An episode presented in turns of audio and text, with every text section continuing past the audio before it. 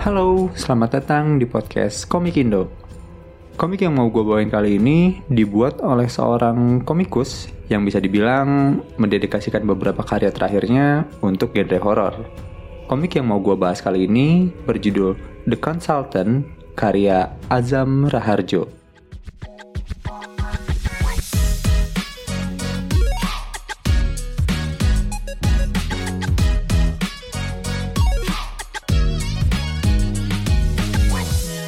Oh ya, sebelum mulai komiknya, kan gue sempat bilang ya, mau nge-review komik-komik yang baru rilis.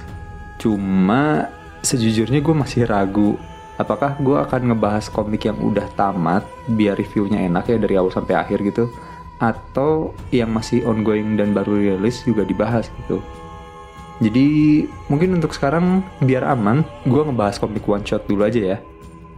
Jadi, sebenarnya ini adalah komik horror yang rilis di Oktober tahun 2022. Tapi versi Indonesia-nya sendiri baru rilis di bulan November. Dan nggak sempat juga gue masukin ke rangkaian review komik Halloween kemarin. Jadi ya gue bahas sekarang aja lah ya. Semoga belum kelamaan. Oke, komik The Consultant atau bahasa Indonesia-nya Sang Konsultan ini awalnya dibuat sebagai karya yang berpartisipasi dalam Shortbox Comic Fair 2022 dan setelah pamerannya selesai, komik ini baru dipublish secara indie oleh Mas Azam.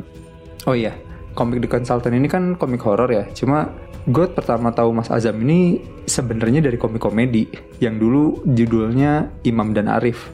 Kalau pas zaman lagi sering ada event gitu, Mas Azam ini sering banget ditanya, ini yang gorila apa yang hiu? Balik lagi ke komik The Consultant, komik horor ini kurang lebih bercerita tentang kejanggalan yang terjadi di sebuah perusahaan. Kalau sinopsis dari komiknya sendiri tuh kayak gini. Seorang pria menyadari adanya hal mengerikan ketika mengingat kembali obrolan dengan teman kantornya. Gitu. Sebelum menyelam lebih jauh ke ceritanya, gue mau mengapresiasi dulu guideline yang diberikan Mas Azam di awal komik The Consultant ini. Selain memberikan konten warning, dia juga ngasih guide cara baca komik ini. Jadi di awal tuh kita dikasih tahu kalau cara bacanya itu turning page, pencahayaan jangan terlalu terang, zoomnya jangan terlalu jauh dan lain sebagainya. Menurut gue ini tuh hal yang penting sih, yang jarang gue temuin di komik-komik digital. Ya paling mentok biasanya dikasih tahu lah cara bacanya dari kiri ke kanan atau kanan ke kiri. Nah, tapi dengan guideline yang dikasih Mas Azam tuh, gue sebagai yang baca tuh jadi tahu gitu, gimana bisa ngedapetin pengalaman baca yang maksimal. Soalnya kan pengalaman baca komik yang pindah halamannya turn page dan infinite scroll kayak webtoon aja udah beda kan. Ya paling ada sih sedikit yang masih abu-abu kayak guideline yang ini. Atur penerangan sampai gambar ini terlihat sedikit. Ya sedikit buat tiap orang kan beda-beda ya, tapi ya mungkin memang dibalikin ke perspektif masing-masing aja sih. Ya buat gue guideline ini keren banget sih. Oke okay, pas pertama gue baca komik ini waktu ngelihat ada warning terkait konten yang ada di komik gue langsung ngerasa ini komik kayaknya bakalan ada vibe-vibe-nya Junji itu gitu deh. Dan kalau nggak salah info juga ya salah satu komik yang digemari sama Mas Azam tuh karya-karyanya Junji itu tapi jujur aja ini pendapat pribadi ya. But I'm not a big fan. Entah itu sebutannya horror body atau cosmic horror cuma beberapa elemen horror yang cukup sering dipakai di karyanya Junji itu kan elemen disturbingnya ya. Dan gue nggak begitu suka yang begituan. Jadi pas baca di awal-awal gue udah nyiap-nyiapin mental dulu gitu. Dan setelah baca memang ada sih hal-hal yang bisa mengganggu sebagian orang tapi buat gue ini masih di taraf yang hmm, bisa dinikmatin lah Terus penceritaannya pun enak buat diikutin. Untuk komik one shot, menurut gue ceritanya cukup padat, nggak terlalu lebar. Untuk settingnya sendiri, kayak sinopsis yang gue bacain tadi, lokasi penceritaannya banyak ngambil di area perkantoran. Kalau spesifiknya sih perkantoran Jakarta. Dan menurut gue ini bisa jadi hal yang cukup relate sih buat orang-orang yang kerja kantoran. Sembari mempertanyakan kembali, apakah kantor gue sebenarnya baik-baik saja atau normal-normal saja nggak ya? Terus untuk karakternya pun cukup lah untuk komik one shot nggak terlalu banyak. Notable karakternya yang gue lihat di sini ada tiga ya. Ada Suryo dan Pak Ferdi ya sebagai dua pekerja yang ngobrol sesuai sinopsis tadi. dan satu lagi ya si konsultannya.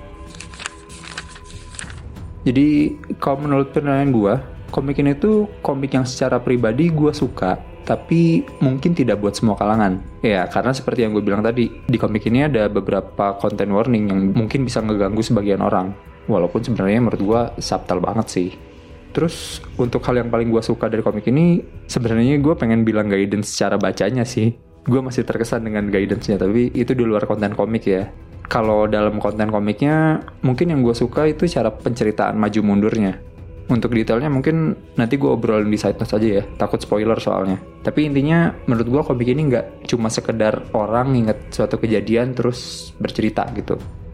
Oke okay, kalau hal yang kurang sereknya sebenarnya ada dua. Yang satu lagi-lagi bakalan gue simpen di side notes. Cuma yang satu lagi itu tentang penggambaran teks aplikasi chatting jadi ada di salah satu scene si Suryo itu ngechat Pak Ferdi.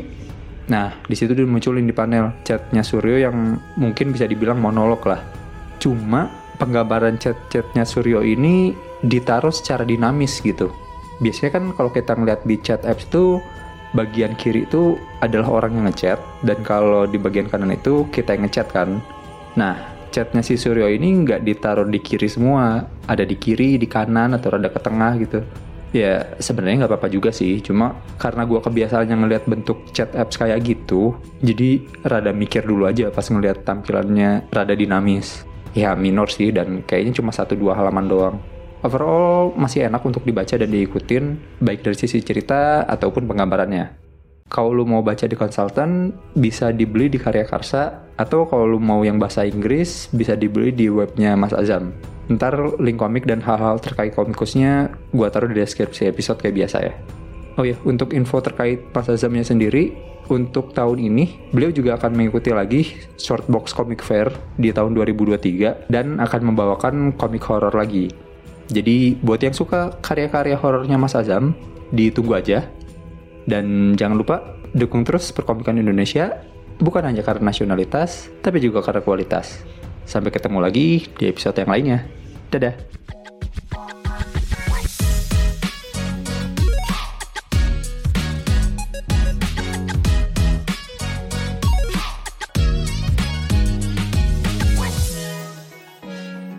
Oke, okay, side notes. Sebelum jauh-jauh ngebahas hal lain, gue mau menekankan premis hal aneh yang gue sebutin di awal podcast. Itu tuh sebenarnya adalah pesugihan. Dan hal ini bikin gue penasaran sih. Kan komik ini tuh awalnya ditujukan untuk event exhibition yang penyelenggaranya di UK dan audiensnya pun kemungkinan banyak orang non Indonesia atau Barat kali ya. Nah, gue penasaran sih, apakah mereka menangkap pesan pesugihan itu juga atau justru mengkaitkan hal ini dengan hal yang lain ya? Terus, oh untuk hal yang kurang serak di komik ini yang satu lagi adalah bagian saat Pak Ferdi baru buka chat apps di mana Suryo ninggalin pesan terakhirnya. Itu kan kalau dilihat tanggalnya rentang waktunya hampir dua minggu dan Suryo itu udah hilang dari hari peresmian cabang usaha baru. Maksud gue, ayolah, itu kan chat apps tempat orang-orang kantor ngechat juga. Masa iya hampir dua minggu nggak dibuka-buka acan gitu? Apalagi pas di hari peresmian itu dia sempat nyari Suryo kan? Kalau nyariin mah minimal biasanya nelpon kan? Atau ya ngechat di apps di mana biasanya chat-chatan. Ya ada sih panel di mana yang ngasihin bahwa nggak semua orang buka chat. Kayak ada obrolan rekan kerja dia di mana dua perempuan bilang nggak pernah buka chat grup gitu. Tapi ya nggak tahu sih. Mungkin karena kebiasaan gue tidak begitu jadi nggak relate aja. Terus untuk alur maju mundur yang gue bilang tadi di panel awal kan memang dikasih lihat Pak Ferdi ngeliatin foto-foto kantor terus teringat obrolan dia dengan Suryo. Baru abis itu mulailah cerita.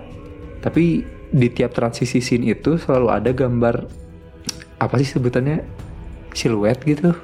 Ya pokoknya ada gambar merah yang rada nggak jelas yang mana diakhiri dengan gambar merah si Pak Ferdinya dibantai lah.